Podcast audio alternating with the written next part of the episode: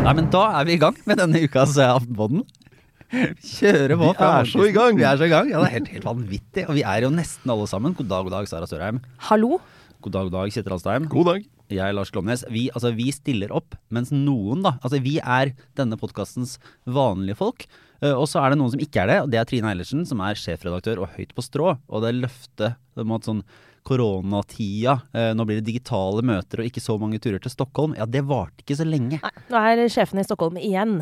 Ja, så vi, med vi andre som holder skuta flytende, hjula i gang osv. Vi får sitte her og kommentere litt igjen, da. Ja. Hardt arbeid også å være i kommentariatet. Hilsen eh, til Skjalg Fjellheim. Liten, liten sånn obs på det. Dette er også hard, hard jobbing.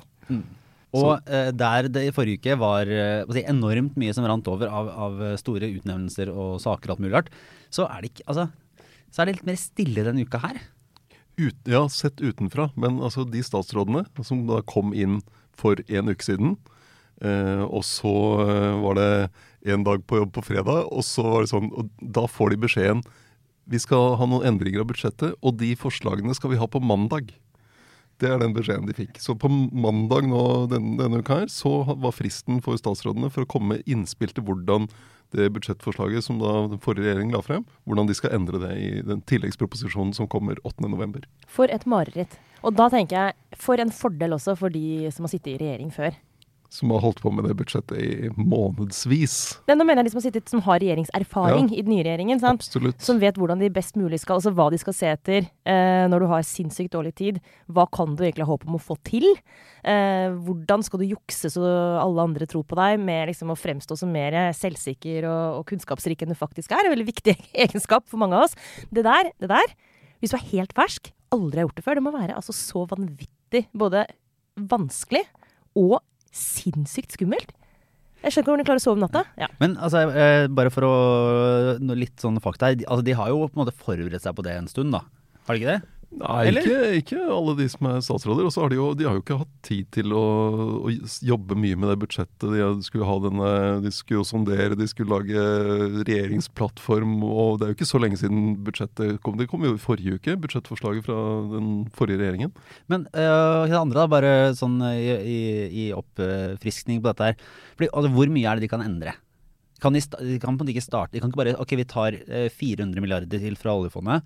Øh, og så øh, smører vi det utover på det vi har hatt lyst til å gjøre. Og så løper vi videre med det og, og oppretter høyskoler i, i, i hver en gren. Da vil de kanskje møte på noen problemer i virkeligheten. altså det, er, det er jo begrensninger på hvor mye de kan endre, rett og slett. Fordi altså, hvor mye rekker du? Veldig mye av budsjettet er bundet opp i utgifter gjennom folketrygden og Nav og helsevesen og sånne ting. Så det, det blir jo viktig for dem å finne eh, det som sender noen signaler om en annen retning. da. Hva er vitsen med en ny regjering? Så det å plukke ut sånn som eh, Jeg er ganske sikker på at de kommer med den doblingen, eller i hvert fall en økning i fagforeningsfradraget, som er viktig for Arbeiderpartiet. Og Senterpartiet må ha et eller annet med noe penger til å gjenåpne par-tre lensmannskontorer eller noe sånt. Sånne ting. Eh, og det, det er reell politikk i det, men det er jo ikke de store summene. Nei, så, så det største avtrykket det kommer først neste år, egentlig. Ja, Og så har de jo revidert budsjettet i mai, som de også, der de også kan gjøre noen endringer. da. Men det er jo også litt vakkert og på grensen til litt sånn klisjé, men, men først og fremst vakkert hvordan den maktoverføringen foregår i Norge. Fordi det budsjettet som, eh, som foreligger, ja, selvfølgelig har det en politisk farge. Men det er altså bare veldig mye av det som er bare godt håndverk fra byråkratiets side. Eh, det er liksom ikke sånn at den nye regjeringen trenger å gå gjennom og sjekke at alt er i orden. Så ting er på stell. Eh, ja. Og så er det jo, den, Det vi har sett denne, denne uka, her er jo hvordan de sliter med å gi Eller hvordan, hvordan de har et, et problem her på klima, i klimapolitikken. Skal de øke CO2-avgiftene sånn som den forrige regjeringen foreslår? Eh, Skal det kompenseres på annen måte, sånn at eh, det ikke har noen klimaeffekt reelt sett? Eller hvordan Der de presses fra Fremskrittspartiet, som vil eh, at, skal, at folk skal slippe å få dyrere bensin og diesel, og fra SV, som jo vil ha enda høyere avgifter, og fra de forrige regjeringspartiene, som eh, lurer på om en ny regjering skal svekke klimapolitikken. Er det her Espen Barth Eide måtte, på en måte, altså Der man liksom så det på hva skal jeg si, dag to, der han snakket om at han var på en måte ute sånn Ja, bensinprisene det skal opp. Samtidig som det jo er et løfte om at bensinprisene skal ned. Ikke skal opp. Ja, Ja. ikke skal opp. Er det sånn Ja, og så Han sa at man må lese hele plattformen i sammenheng, men det hjelper ikke. Men i forlengelsen av det også, eh, senest nå, altså Jonas Gahr Støre etter valget også nå har gått ut og, og forsvart eh, at en økt CO2-avgift ikke vil eh, slå ut måte urettferdig sosialt fordi de skal kompensere Mm. på en eller annen måte. Som du var inne på nå, Kjetil. Men er det, jeg har ennå ikke skjønt realismen i ja, hvordan da? Og er det egentlig noe realisme i det? For, og han er ullen når han snakker om det. Altså det er en sånn Nå skal vi se på hvordan vi kan sørge for at dette ikke blir Uh, måte slår ut, sånn at uh, de som uh, burde få billig bensin, får dyrere bensin. Og jeg får ikke tak i det. sånn, Du var inne på virkeligheten. Mm. Hvordan skal det i virkeligheten la seg gjøre? Og er det realistisk? Ja, altså Det er eh, fullt mulig å, ha, å øke CO2-avgiften, og så sende de pengene tilbake til sånn folk generelt. Altså du kan, og det gjør jo den forrige regjeringen også da, i sitt forslag, ved at de, de øker pendlerfradraget, som jo da skjermer folk som er, eh, må kjøre mye bil for å komme på jobb. Eh, og de kutter elavgiften. Eh, og litt sånne ting. Men det er likevel ganske generelle men det- tiltak. ikke Ja, sant? nettopp. Så Ja. at eh, det, det Arbeiderpartiet har sagt, er jo at de vil ha Uh, mer målrettet mot uh, folk som bor i distriktene og sånne ting. Hvordan de skal gjøre det, er jo uklart. Og, så, og, så, og Senterpartiet har jo vært imot uh, egentlig at noen som fyller diesel, skal få møte en høyere pumpepris. Så det, er, det her er jo noe av det de, de må svare på. Det svaret kommer da eh, 8. november, som er midt under klimamøtet i Glasgow. Så da, hvis det da fremstår som om det har en regjering som ruller tilbake i klimapolitikken, er mindre ambisiøs, så får i hvert fall Arbeiderpartiet et problem med en del av sine medlemmer og en del av sine velgere. Men når det kommer eh, 8. november, så skal de da sette i gang og forhandle Med SV. med SV, ikke sant? Ja. Så, så da vil jo antageligvis SV bruke for alt det er verdt liksom, vinden fra Glasgow eh, i ryggen for å få gjort dette som de ville sagt, eh, grønnere og mer rettferdig. Men det er dårlig tid de har på seg til å finne disse løsningene. Det er ikke lenge til 8. november, og det er eh, ganske de, Altså, de har selvfølgelig jobba med dette her, de må jo ha tenkt gjennom dette scenarioet. Men, eh, men det, er ikke, det, er ikke, det er ikke lett å finne den gode løsningen som skal Altså, de kommer ikke til å klare å finne en løsning som skal gjøre alle fornøyd her. Den, den fins ikke. Altså, du må ta et valg. Uh, og det kan bli ganske sånn førende for Arbeiderpartiet i regjering hva det valget blir. Altså, sånn symbolsk så er det, sånn, det er første mulighet Jonas Gahr Støre har til å velge side da, i den situasjonen han står nå i, i, i Stortinget, hvor han nettopp blir pressa fra begge kanter. Kommer til å bli det i hele perioden. Og akkurat hva han lander på nå, vil jo, tror jeg i hvert fall, blir lest som også et signal på liksom, hva er det egentlig denne regjeringen står for. Hvor er det egentlig liksom, makta ligger. Superspennende, og er rett og slett bare veldig veldig vanskelig for en. Så det, var- ja, det, det, det skjer jo da i Stortinget. Ja. Som, måte, hvis det er et og, stort eh, tema for denne uka, så er det jo at eh, Stortinget er, eh, er satt og mer sånn i gang, da. For nå er jo da politikerne fått tildelt komiteer. Man vet hvem som skal forholde seg til hvilken del av politikken de neste åra. De kan jo selvfølgelig byttes underveis. Eh, Og det er sånn spennende å se hvilken, eh, hvilke valg Høyre gjør. eh, På, på, på hvor de plasserer sine politikere da, for å møte regjeringens liksom, styrker og svakheter potensielt. Man sitter jo da og, og fordeler utover. Så da vet man, altså På klimaspørsmål f.eks. så kommer jo da Nikolai Astrup til å være liksom motstanderen, om du vil, til Espen Barth Eide som klima- og miljøminister. Så kommer jo Hadia Tajik som arbeidsminister kommer til å måte, møte Henrik Asheim fra Høyre i arbeids- og sosialkomiteen. Som sikkert kan bli en, eh, en spennende duell. Mm. Uh, og så blir jo da Tina Bru uh, Her kommer jo liksom noen av uh, kronprinsene og prinsessene i, i, i Høyre opp mot altså, hva skal jeg si, hele regjeringen som finanspolitisk talskvinne. Og så er det litt sånn Så I tillegg så har Henrik Mm. Asheim også blitt det som da er eh, parlamentarisk nestleder. Er det ikke det han ble til slutt? Andre. Andre nestleder. Altså, det her er, no, det er en sånn Det, det føler jeg har blitt en litt sånn stående rar eh, vits på Stortinget. Så, for de nye titlene som kommer Én ting er at de har det i Høyre, som er i opposisjon. Jeg skjønner ikke hvorfor de har det, det er rart nok. Men du får også sånn Uh, Pollestad? Pollestad, som, som alle egentlig tippa inn i regjeringen, som blir andre liksom parlamentarisk nestleder. Som Han ble en sånn det. tittel som er sånn Ja, men dette har vi aldri hørt om før. Er det, Ja, det har jo vært, de har jo hatt nestledere i, i stortingsgruppene sine, Ja, men det har jo ikke vært eh, løftet frem så mye. Det er litt sånn som I akademia så har du noe som heter profe professor 2-stillinger. De kan, sånn, det kan journalister og alt mulig rask få. Det er litt sånn eh, ja ja, nesten professor. Men tilbake til disse komiteene, da, som tross alt er viktigere, eh, det er viktigere at du sitter i, eller hvor du, hvilken komité du sitter i, enn, enn- enn om du er parlamentarisk nestleder, vil jeg tro. Eller Sigbjørn Gjelsvik var det som var, var spilt inn som finansminister i flere runder. Som eh, var veldig fornøyd med å sitte i gruppestyret i Senterpartiet. Som også er en sånn der, det er, det er titlene kommer. Men hvor er det vi forventer de, eh, de største slagene og, og mest liksom de mest interessante duellene? Derfor tilbake til det med hvilke komiteer du sitter i. Altså det, blir jo, det blir jo en, eh, et slags frampeik på hvilken rolle du vil ha også i partiet i årene som kommer. Så det er jo interessant å se nettopp de to du nevnte i Høyre, da, Tina Bru og Henrik Asheim, at de har fått hver sin tunge posisjon. Eh, og så kan man jo tenke at det ja. Jeg tror, det, jeg tror ikke vi skal spekulere for mye i at én en av dem er mer favoritt til å ta over som partileder etter Erna enn den andre. Men, men vi kan vel egentlig bare konstatere at de har begge fått sentrale roller, som betyr at veien er åpen for begge to. Ja, Og så kan vi legge merke til at Ine Eriksen Søreide eh, gjør da noe som ikke er helt vanlig. Eh, Det er, det er, ikke, det har, det har skjedd sånne overganger før, men altså en statsråd som går fra inn i den komiteen som er samme ansvarsområde hun kommer fra, som blir, går inn i utenriks- og forsvarskomiteen. Eh, og det må jo tolkes som et tegn på at hun er ikke aktuell som leder i Høyre. Hun, Nettopp, hun ja. ønsker seg ikke det. For da, da burde hun tatt en annen komité for å liksom vise en større, et større interessefelt. enn eh, altså vi vet at hun, hun er opptatt av verden og har kontroll på det. Eh, Da burde hun tatt helse eller et eller annet. Ja, for det var jo veien til Jonas Gahr Støre, som Ja. var sånn Ok, du har vært utenriksminister, veldig populær. Uh, skal du bli leder, altså i sin tid i, i den rød-grønne regjeringen, uh, nå må du få litt skitt på fingra, eh, bli helseminister, få vært ute liksom, i de tøffe debattene innenriks, så folk får se deg. Eh, men, eh, men Så, eh, så man blir, liksom å lure på hvem er det som får FN-jobb først? Er det Erna Solberg eller Ine Eriksen Ja, jeg vet hvem jeg ville satt pengene mine på. Altså, Hvis ikke Ine Marie Eriksen får en FN eller internasjonal toppjobb, skjønner jeg ingenting. Men uh, jeg tror også at uh, vi skal være forsiktige med å tolke den plasseringen av henne som et slags nederlag uh, for Søreide. Hun er nok for lengst veldig avklart med, med sin framtid i Høyre. Og det var en diskusjon rundt hvem som skulle ta gjenvalg og ikke også, hvor hun landet på å ta gjenvalg og sitte en periode til på Stortinget. Men jeg, jeg tror nok at hun ganske lenge har vært avklart når det gjelder kampen om, om ledervervet i partiet. Jeg tror ikke hun er en kandidat til det, og det tror jeg er relativt selv, eller kanskje 100 selvvalgt. Mm.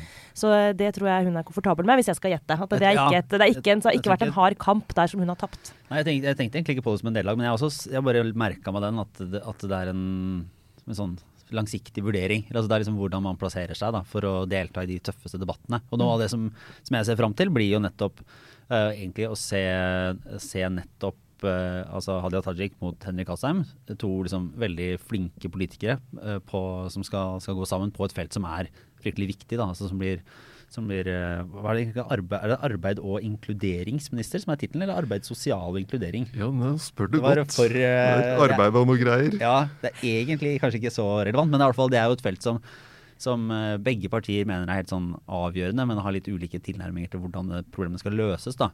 Eh, Og hvis ikke man får sett liksom, at nettopp det som går på litt sånn minska sosiale forskjeller, eller liksom flere inn i arbeidslivet, og hvis, hvis Arbeiderpartiet ikke klarer det med sine løsninger heller, eller klarer det med sine løsninger, så, så, så er det et sted de kan angripes fra både høyre og venstre. Og en annen eh, ting her også, jeg vet ikke hvor eh, mye det har betydd for uh, hvem som havna hvor, men det betyr i hvert fall noe for liksom, dynamikken i opposisjonen.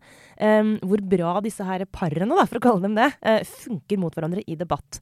Uh, fordi for Høyre som opposisjonsparti, de er det største partiet i opposisjon. De bør på en måte eie den rollen. Men vi vet jo alle sammen at her er det mange, mange om beinet.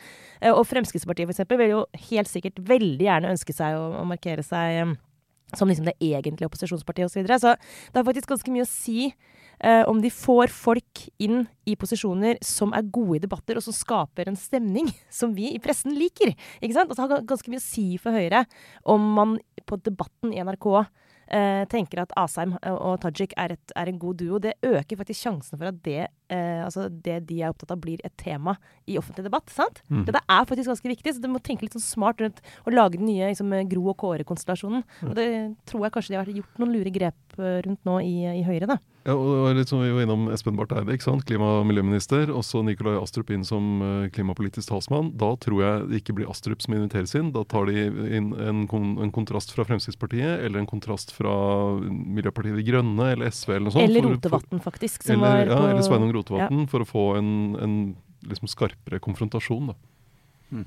Det i. er, det, er, det, er, det, er det bra? Det høres litt sånn øh, Det handler jo om å eh, få frem forskjellene. hva er egentlig uenigheten? Og uh, når man har hørt Espen Barth Eide i en del settinger på Stortinget med den forrige regjeringen, så har jo ikke han vært veldig uh, konfronterende verken med Sveinung Rotevatn eller med Tina Bru. Han har jo hatt sansen for mye av det, det de har sagt. Så det er jo ikke så, Og det, det, det blir litt kjedelige debatter av. Altså, de er jo helt kliss fullstendig like. Altså, det er jo det er ikke, er ikke noe uenighet å spore der. Altså, det, det er det De, de kunne nok greie å forhandle frem et uh, nytt klimaforlik. Problemet er at Espen Barth Eide også skal ha med seg Senterpartiet. Stakkars mann. Men er det, det er jo et eller annet Jeg, Jeg husker fra, fra 2013, da det hadde vært åtte år med rød-grønt styre, og man fikk noe av de samme på en måte, sluggerne liksom tilbake til Stortinget. Liksom. Man hadde de Da var det jo Espen Barth Eide og Jonas Gahr Støre og Hadia Tajik og i og for seg mange av de samme, men som, som kom tilbake til Stortinget etter å ha vært statsråder. Og, og man tenkte at det her blir, det her blir, liksom, her blir vanskeligere. Her kommer de til de nye statsrådene får bryna seg på denne, liksom, dette erfarne laget. Men jeg vet ikke, hvis man ser det sånn i ettertiden, var det noen er det noen forskjell? Det er jo ofte sånne nye saker som kommer og tar over litt uansett. Husk da tilbake altså, um, ja, nå, nå snakka du 2013, nå tenkte jeg på 17, altså Mm. det valget der. Men, eh, men de siste fire årene, da, siste perioden, så har jo Arbeiderpartiet som opposisjonsparti egentlig bare implodert. Fordi de har rett og slett drevet med indremedisinsk uh, virksomhet. Uh, og slitt, slitt enormt med sin egen organisasjon og sine egne um, utfordringer, som har vært ganske betydelige. Så tipper at vi kanskje vil få se et Høyre som i hvert fall har i hvert fall mer tid til å drive med politikk. Eh, sånn at i hvert fall med mindre det skjer et eller annet vanvittig i, i den gjengen der nå. Jeg kan ikke helt forestille meg hva det skulle være. Så i hvert fall Erna Solberg nå på en måte rigget seg til å kunne egentlig bare konsentrere seg om å være opposisjonspolitiker fra treromsleiligheten sin på Bislett i Oslo, hvor hun er eh, Med nyskrudde Ikea-møbler. ja. Og hun virker overraskende komfortabel i den rollen. For se, hun er jo for så vidt ganske pragmatisk anlagt, så hun ville sikkert kunne tatt hvilken som helst rolle, hun altså. Men, men eh, jeg, jeg gjetter, Lars, at kanskje den opposisjonen vi får nå, vil være et knepp friskere. Men dette er bare ja, min spekulasjon. ja, for det er det jeg lurer på. Men fordi at det som egentlig viste seg sist, øh, og som kan vise seg igjen da, når du har en, en mindretallsregjering i start, er at altså, opposisjonen på andre sida av blokka er litt sånn irrelevant på et vis. Altså, det er jo egentlig sånn De første årene med, med Solbergs regjering så var jo spenninga mellom Høyre og, og, og Frp i regjering og støttepartiene på Stortinget. Det var jo alt det, man, det vi dreiv med, og, og, og så på hvor er konfliktene, hvor er liksom opposisjonen, hvor er de med, stort sett. Og så kunne liksom blokkopposisjonen stå og kjefte på utsida. Og nå er det jo SV som da blir liksom den første samarbeidspartner, og en gruppe på stor Rødt-gruppe som, eh, som kommer til å stå og rope. Og, og det kanskje gir mer spenning enn de der debattene som, som liksom, hva skal jeg si, feinschmeckerne eller liksom eh, nerdene som vil sitte og, og file på forskjellene mellom eh, Hadia Tajik og Henrik Asheim. da. Så er det sånn, hvor, ja ok, Høyre mener dette, betyr det noe? Det er jo som avgjør. Ja, eh, ja, for så vidt. Men så får du en Du får jo et større det, Nå har du jo en sentrumsregjering. Eh, kan, som kommer til å samarbeide til ulike retninger. Det hadde vi ikke under Erna Solberg. Eh, Det var eh, de fire partiene som måtte finne ut av det sammen hele veien. Nå blir det en spenning om hvilken Altså Budsjett så kommer de til å De er, må få på plass et eller annet med SV. Men så får du andre saker etter hvert. Oljepolitikk, rovdyr, forsvar, et eller annet. Spørsmålet hvor, når, når kommer de til å gå første gang til, til høyresiden for å skaffe seg et flertall? Og hvordan blir eh, spenningen internt i Arbeiderparti-Senterparti-regjeringen om hvilken vei de skal gå? Så det kommer til å bli en fest, dette her. Men du, det er jo så mye morsommere nå i uh, norsk politikk. Altså Denne situasjonen her er jo, hvis det er lov å si Det er lov å si det. Vi, vi høres ikke kyniske ut hvis vi bare Nei, altså, rolig bare konstaterer at. Ja, det, det, det, det er et sunt og godt engasjement for norsk politisk debatt. Ikke sant? Ja. For her er det altså så mange fallgruber og potensielle konflikter på absolutt alle kanter.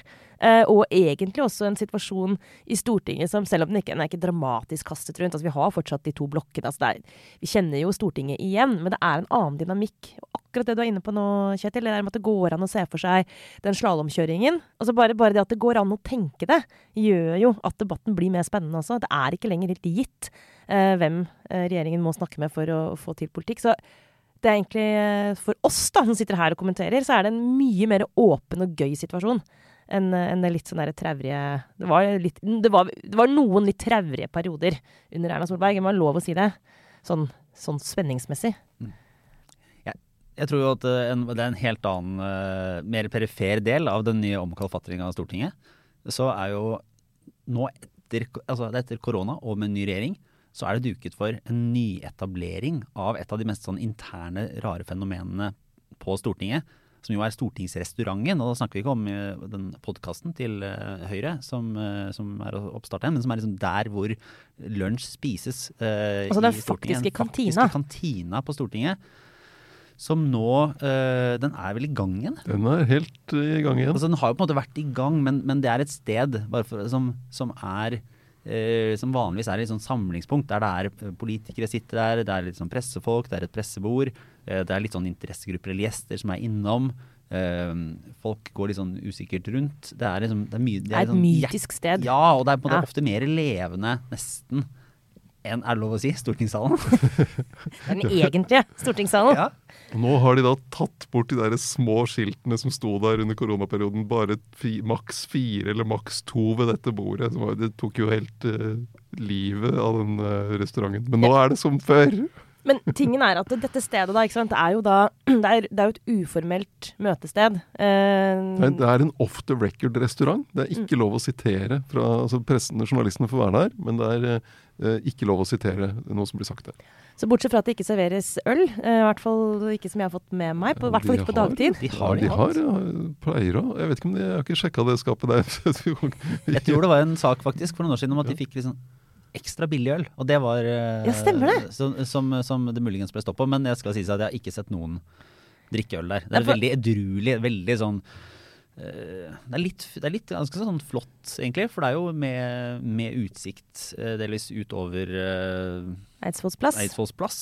Og, og, og, litt sånn staselig, men også veldig offentlig kantine. Det er veldig lite luksus. Ja, også fordi at hva det jeg skal si, sånn, du har ikke den derre Det er ikke bar, det er liksom ikke Tostrup-kjelleren, det er ikke skummende halvlitere. Men bortsett fra det, så er det det nærmeste vi kommer en sånn, eh, en sånn møteplass hvor du får tilgang til informasjon, og hvor presse og, og, politikere møtes og kan ha den samtalen, da. Som er veldig viktig for oss for å få Altså det er rett og slett bare det er, veld, det er et veldig viktig sted for informasjonsutveksling, men det er samtidig også et sted som er omspunnet av Altså, det høres mye kulere ut enn det på en måte er. Altså, det er en sånn utrolig døll kantine med veldig sånn offentlig følelse. Ok, du har fin utsikt, Lars, enig i det, men det er liksom sånn Det ser jo ikke ut som noe annet enn det det er. Altså, du får noen tørre smørbrød og Er jeg litt sånn slem nå? Det er ikke noe, det er, du kommer ikke inn Jeg har en mer romantisk tilnærming til dette her, men det er kanskje fordi jeg spiste lunsj der stort sett hver dag før, og ikke gjør det nå lenger. Men, at, men det som er, kanskje også er interessant, er at det er det mest spennende punktet ved at Rødt kom over sperregrensa er sånn, det utfordrer hele dynamikken. fordi at det er sånn at hvert parti har jo sine bord. Og, og, folk ser litt sånn rart på deg, i hvert fall hvis du kommer og ikke eh, er kjent. Hvis du setter deg ned ved et, et partibord og tilhører pressen, eller, eller nesten sånn tilhører et annet parti, det, det, ser man veldig lite av. Sånn at nå har jo da du har liksom pressebordet, som er liksom inntil høyre, og så har du Arbeiderpartiets ene runde bord, som ofte er litt sånn Som nå har blitt skjøvet litt på pga. en ny salatbar. jeg bare legge inn her. Ja, ikke sant? men, men de, har, de, har, fortsatt et rundt bord. Og så har du et SV-bord, og så har du et KrF-bord liksom bak KrF trenger jo nesten ikke bord lenger. Nei, nei, ikke sant? For nå er det sånn Er det da er det sånn at Rødt plutselig kommer inn og, og breier seg? At det er liksom Mimir Kristiansson som får, uh, får overtatt bordet til KrF? Ja, jeg vet ikke om de har greid å etablere seg fast ennå, men jeg har sett uh, en sånn Rødt, altså, Rødt ta et bord i, sånn, litt sånn på siden av der KrF uh, eh, pleide å ha. Så vi får se om det er der de har funnet en, en plass. Og kanskje de har på en måte selvtillit nok til å bare gi F i de der uskrevne reglene. fordi at det må jeg også si. Det, det er jo et revolusjonært parti, så vi må nesten Ja, hvis de er så konforme at de, at de ja, bøyer seg etter dette her, og da, ikke snur mer på politikken. Ja, ja, da er futten ute av Rødt, altså. Hvis det første de gjør er å stresse, sånn som jeg gjorde første gangen jeg var på Stortinget. Altså stressa meg helt gal av å ikke bomme på disse her eh, rare, sjuke reglene i den der kantina, ikke sant. På mange måter så er jo Stortinget samling av folk som kanskje ikke var de som fikk det kuleste bordet på ungdomsskolen. da. ja. Og så har de lagd seg et system på liksom arbeidsplassen som skal liksom ta litt sånn hevn for sånne sosiale koder som, eh, som var i, i oppveksten. Ved at her skal det være ordentlig strengt og uforståelig. Det er vi som har reglene. Og sånn eh, holder på. Men det her, det her var jo litt sånn smalt og, og perifert, eh, kanskje. Men Men som en slags service til, eh, til lyttere som muligens kanskje skal bevege seg inn der for første gang, så bare Ja, spør jo, en venn. men det er jo mange, altså husk, det er- veldig mange nye stortingsrepresentanter. Eh, bare Arbeiderpartiets stortingsgruppe de har jo nå 48 på Stortinget. De hadde 22 nye. Eh, og så gikk eh, to av de nye inn i regjering, og sju av de gamle inn i regjering. Altså ni gikk inn i regjering. Så da har de, nå har de, nå har de, 20, de, ja, men de har 29 ferske på Ja. Stortinget nå. Av 48. Det er ganske mange som da skal som gå seg bort i gangene under eh, mellom de ulike byggene og sånne ting. ja. Ja, komme ned der i kjelleren der hvor det står sånne skilt kanskje fortsatt hvor de advarer mot sånn skjeggkre. Er det ikke det det heter? jo. Det er jo ekkelt. Når du har kommet hit, og langt der borte forbi det skiltet, der er NTB-kontoret. Og det er, Vi skal sende en veldig varm tanke til de som nå er Og ikke spesifikt retta mot den personen som tilfeldigvis er det, men så, hvis du er sånn fjerde representant i næringskomiteen for Arbeiderpartiet, eller eh, liksom er sånn gode, gamle backbenchere i de store partiene, vi ønsker dere eh, lykke til eh, og masse sympati. For det er, en, det er fire år der du kanskje kommer fra en, en liksom profilert plass hjemme. Eller, eh, eller er litt sånn kjent, og så forsvinner du inn i de gangene på Stortinget, og så kommer du antageligvis ikke ut igjen. Det, er, det er en lang sånn, liksom Mount Everest-klatring fra, fra noen av de liksom dypeste gangene, eh, særlig hos de store partiene, der man ikke er i nærheten av å være talsperson for noe, og kommer i Dagsnytt 18 én gang i løpet av de åra. Og det er antageligvis med en sak som du ikke har lyst til å være der for, for da er det liksom 18 stykker som har takka nei før.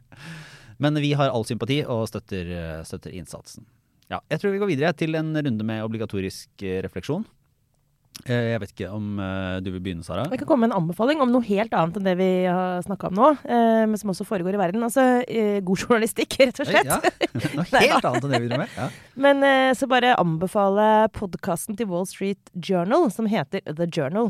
Som er en podkast som handler om om eh, journalistikk i skjæringspunktet økonomi, politikk, makt. Veldig gøy, gøy lite skjæringspunkt. Eh, hvor de snakker om saker som de også publiserer i avisa. Og Wall Street Journal har vært utrolig gode på å drive kritisk journalistikk mot Facebook og de store tech-plattformene. Eh, det var de som hadde nyheten om hun, eh, Frances Haugen. Takk, Haugen. Jeg lurer veldig på hvorfor hun heter Haugen til etternavn. Men det, Ja, at ikke vi har lagd en, at ikke denne saken fins liksom Uh, Facebook-varslerens norske aner. Ja. Og så får du en sånn onkel fra Gårdå eller et eller annet sånt altså, alle vet at hun eh, Hva er det hun heter for noe? Hilton. Uh, denne kjendisen som egentlig Paris kommer fra Paris Hilton. Ja, har jo en, har en uh, slektning på Kløfta. Det er sånn Ja. som Renée Selweger har en, en norsk mor eller et eller annet. Nettopp. Så denne Haugen i Facebook, dette må noen finne ut av. Men, ehm, men det var Wall Street Journal som hadde hennes lekkasje, eh, og som har dekket det veldig veldig grundig. Og eh, som har vært sentrale nå i det som kanskje er en eh, som jeg sier kanskje også, for det, det er mye jobb som må gjøres. Men som er i hvert fall en, en Det kommer noen politiske initiativer også nå eh, rundt å faktisk gå inn politisk og regulere Facebook og de andre store tech-gigantene. Og en annen vilje til å gå inn i det også i amerikansk politikk enn enn tidligere. Amy Klobuchar. Det er vanskelig å si det etternavnet, men hun blir intervjuet nå i, i denne podkasten, The Journal. Eh, det tror jeg er den siste episoden som ligger ute. Og hun snakker om liksom, hvilke muligheter man har eh, politisk til å gå inn og regulere, og diskutere blant annet denne mm, klausulen som heter 2013, eller paragraf eh, nei, 2030 i amerikansk politikk. Og uten å gå inn i detaljer her, det kan andre gjøre bedre enn meg, så er det en lov som sørger for at du kan ikke forfølge rettslig en plattform på samme måte som du kan forfølge en publisist eh, rundt f.eks. injurier. Så du kan eh, gå i Amerika til en rettssal og saksøke en avis for en artikkel de har publisert, men du kan ikke saksøke Facebook for en artikkel som de har lagt ut på sin plattform. Og dette høres kanskje tilforlatelig ut, men det er en av hovedårsakene til at uh, Facebook egentlig uh, kan gjøre nesten hva de vil på sin plattform uten å bli rettsforfulgt. Men Så er supers- ja, ja. ja. Men, nei, men da bare rett inn i debatten, men også en hovedgrunn til at Facebook kan være Facebook. Yes. Altså fordi at uh, Å faktisk være et sted der hvem som helst mer eller mindre kan dele informasjon og ha en debatt og holde på. Og det var jo denne, denne loven eh, ble jo laget en gang på 90-tallet eh, rett og slett eh, med de beste intensjoner for å sørge for at nettet ble et sted hvor du skulle kunne rett og slett eh, legge til rette for at alle skulle kunne ytre seg. Sånn at eh, Det var bare ingen som forestilte seg den gangen eh, hva denne her rare koblingen av datamaskiner skulle, skulle bli til. sant? Så, men det er veldig vanskelig å endre på en sånn klausul, altså en sånn type lov, når du har fått eh, disse her enormt mektige, svære tech-gigantene som aktører, så er jo de uh, Det skal veldig mye til å klare måte, å endre. Og det vil jo også endre hele forretningsmodellen og være en reell trussel mot f.eks. Facebook. da.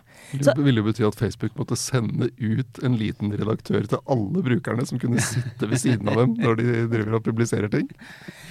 Men, eh, men uansett, da, dette, er ikke, dette endrer seg ikke på liksom en uke. Men eh, akkurat å følge med på amerikansk journalistikk og politisk debatt nå rundt regulering av de store teknologiselskapene, det er veldig interessant. Og da, hvis man ønsker å gjøre det, så er den podkasten til Wall Street Journal en god eh, inngang til det, da. Og det, det er jo masse annet bra som ligger der. Og hvis man ønsker å følge amerikansk politikk generelt, så fortsetter jo Aftenpodden USA, vår, vår hva skal man kalle det, Eh, datterpodkast. Det er mulig de vil oppleve det som bitte litt nedlatende at vi kaller den for datter. Altså mer sånn søster, kanskje. Litt, Ja, mer- litt mer nettopp, sånn ja, li jevnbyrdig, Ja, okay, ok, ja, men Vi har i hvert fall sett det vokse opp da, og bli en solid og veldig veldig god podkast som, eh, som, eh, som har fortsatt utenfor eh, Aftenpodden Det er eh, vel utvandrer, utvandrerpodkasten. Ja, ikke sant? Ja. Vi som dro, og vi som blir og de som dro. Ja, så, ja, ikke sant? De er, eh, de er anywheres til våre somewheres. Uh, der Øystein Langberg og Kristina Pletten tar for seg altså, mye amerikansk politikk, men også liksom, samfunnsliv og uh, disse tingene her. Da. Så det kan jo bare anbefales på det absolutt varmeste. De har også nå fått seg en Facebook-gruppe. som, som har mye god debatt. Så det er bare for å slenge den inn underveis. Men du, Kjetil? Nei, altså øh, jeg tror jeg må reflektere litt rundt om vanlige folk er i ferd med å bli en vits. Ja, nettopp, ja. Se her. Her føler jeg vi eh, det- beveger oss inn i et minefelt. Ja, vi gjør det. Og det, øh, det var jo første del av debatten om regjeringserklæringen øh, i går, altså onsdag. Og da dukket vanlige folk opp 56 ganger i løpet av, øh, av debatten. Tuller du? Nei, jeg tuller ikke. Og, og og vi har jo Vanlige folk er jo da altså en vanlig folks tur, Arbeiderpartiets valgkampslagord. Og så har man jo da Senterpartiet og Vedum som har snakket veldig mye om hele Norge som vi er så glad i, og, og sånn. Og så dette kulminerer nå i et skriftlig spørsmål fra representanten Roy Steffensen, Steffensen, Fremskrittspartiet, som har sendt spørsmål til finansminister Trygve Magnus Slagsvold Vedum. Eh, fordi Steffensen har hørt på P4 nylig at det i 20 norske kommuner ikke er mulig å ta ut kontanter. Hverken, da verken minibank, bank i butikk eller bankfilial er tilgjengelig i disse kommunene. Jeg trodde man kunne ta ut kontanter i Butikken? I, i butikken ja, Ja, det, det det, det er ikke nevnt i dette spørsmålet. Til sammenligning hadde samtlige kommuner et slikt tilbud i 2018. Hva er statsrådens plan for å få kontanttjenestene tilbake til vanlige folk i hele landet vi er så glad i? Nei! det, det, det er kanskje, kanskje vi må gjøre altså Vanlige folk og hele landet vi er så glad i, er nå i ferd med å bli et ironisk spørsmål fra, her, har skriftlig jeg- spørsmål fra Stortinget det, altså, vi, skal, vi skal sies at vi kanskje til dels har vært med på å bidra til en sånn utvikling der man ikke har tatt sånne slagord helt på alvor. Eh, det skal vi jo reflektere over. Men uh, jeg snakka med noen i Arbeiderpartiet som, uh, som måtte, liksom, hemmelighetene bak deres valgkampsuksess. Og da var de mente at det, der, de var så fornøyd med det slagordet. At det er vanlige folks tur. At det hadde liksom slått an over hele landet, som vi er så glad i.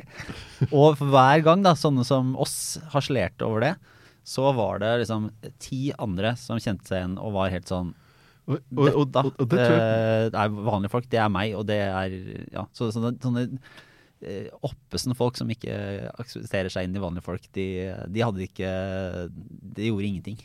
Og det, kan, det kan jo godt tenkes at de har rett i det. Og jeg tror sånn Politisk sett, det, den plasseringen for Arbeiderpartiet De gikk jo tilbake der i valget, så du kan jo diskutere hvor stor suksess det var. Men eh, de vant jo solid. Men det er jo noe av det samme som sosialdemokratene i Danmark har gjort. Men nå er det Arnes tur, som de hadde som slagord. Men så er spørsmålet hva gjør du når du har vunnet? Og kommer inn og skal drive politikk og er i regjering? Og Rigmor Aasrud holder et innlegg på eh, som parlamentarisk leder i Arbeiderpartiet, holder sitt eh, første innlegget i debatten om regjeringserklæringen og sier, bruker folk altså 22 ganger i løpet av 10 minutter. Da, blir det litt, da, blir det, da tømmer du det for innhold. Du, nå, må du, nå, skal, nå må du si noe mer konkret politisk.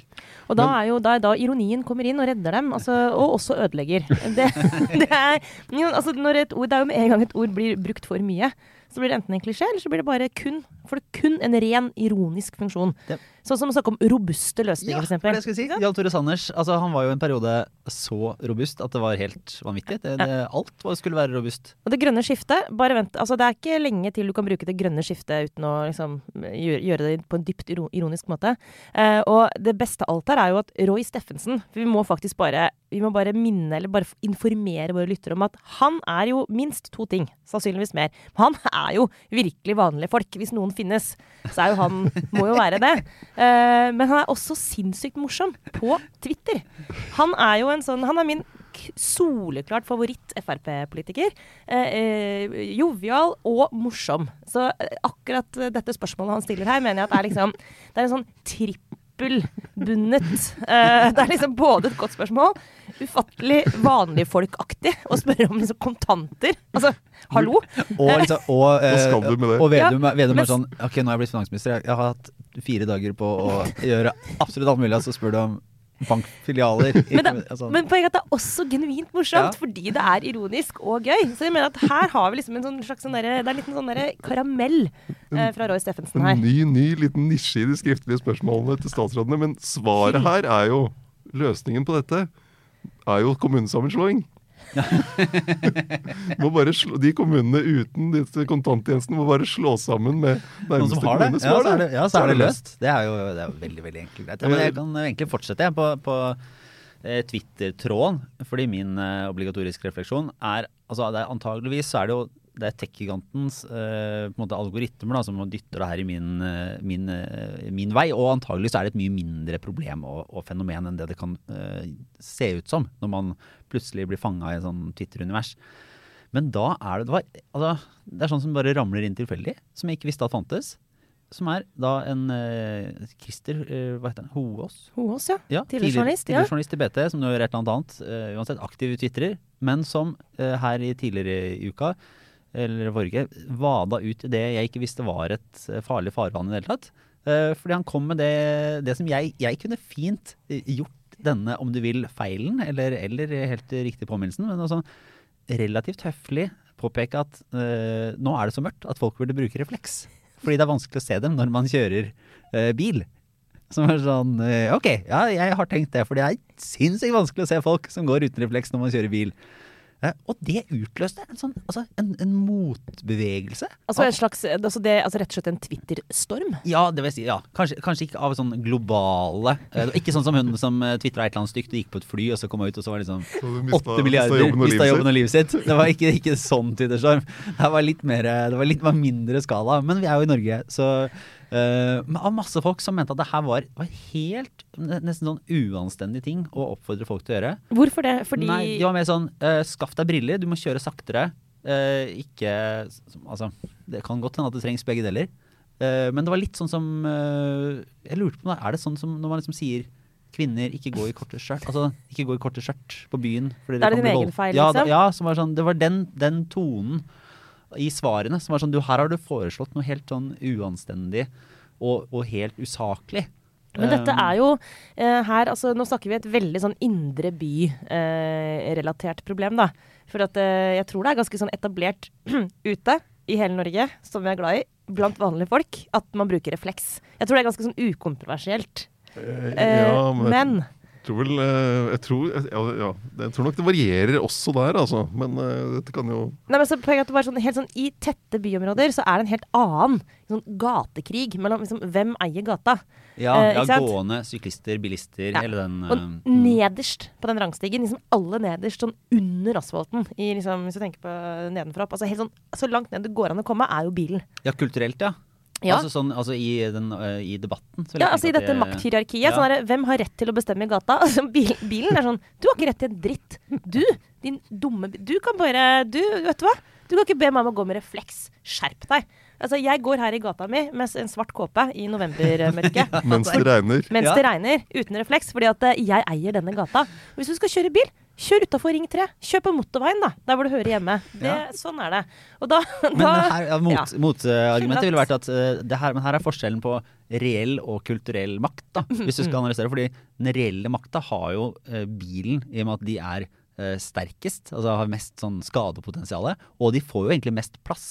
Altså hvis man så, sånn, Alle de her bildene som kommer fra sånn eh, Hvis du tar bort Hvis du bare tegner opp et bilde, så du bilveien er borte, da. Så, ser jo, så er byen bare bitte liten, og det er så trangt der man kan gå og sånn. Man vil jo ha de får jo masse plass til å drive på, disse bilene. Eh, Men f.eks. for eksempel i denne debatten her, så, så er det ikke, det er ikke kjangs. Så du må huske at noen av oss gir aldri opp kampen for ren symbolsk makt. Og den, det området hvor det gjelder, blir stadig mindre, altså det er mer, og det er sikkert bra. Men eh, akkurat liksom, kampen mot bilen i indre by, den, eh, den er nok irrasjonell, ja. Men, Men- den er men høyst reell. Jeg litt- kjenner at jeg tilhører jo litt Jeg merker det nå. Jeg var ikke klar over det, men jeg tilhører krenkesiden krenk-siden ja, for du får litt sånn der Ikke fortell meg hva jeg skal gjøre. Ikke kom inn fra liksom, fuckings eh, Nordstrand og ned hit til oss og begynne å fortelle meg å bruke refleks. Sånn, sånn dinglete greie utapå den fine kåpa. Ja. Kjøper ikke dyre ullkåper for å gå med en refleksvest utapå. Det, det Altså, der er faktisk Der, der slites jeg i, i den. Ja, ja, nei, så jeg, jeg vet ikke, jeg. Jeg vil jo i utgangspunktet oppfordre folk høflig da, om å bruke refleks og ikke bli påkjørt. Og så oppfordrer jeg alle bilister okay, om å kjøre.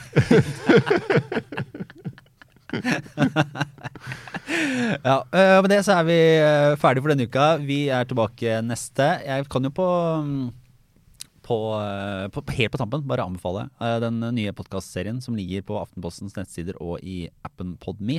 Som er en Jeg var der, altså journalister som var til stede ved verdens begivenheter. Vi sendte ut en første episode i feeden vår. Eh, den er knakende god, og det er eh, nye episoder der eh, hver uke framover. En eh, stund til. Så bli abonnent og hør den og få med deg litt mer. Og så fortsetter vi med eh, neste uke, når det å Når statsrådene kanskje begynner å kikke ut av det lille hullet sitt og komme med noen, eh, noen utspill og, og løfter ting. Og da er kanskje Trine tilbake også fra sitt sånn pampekjør ute i Europa. Det var oss. Takk for nå. Ha det bra.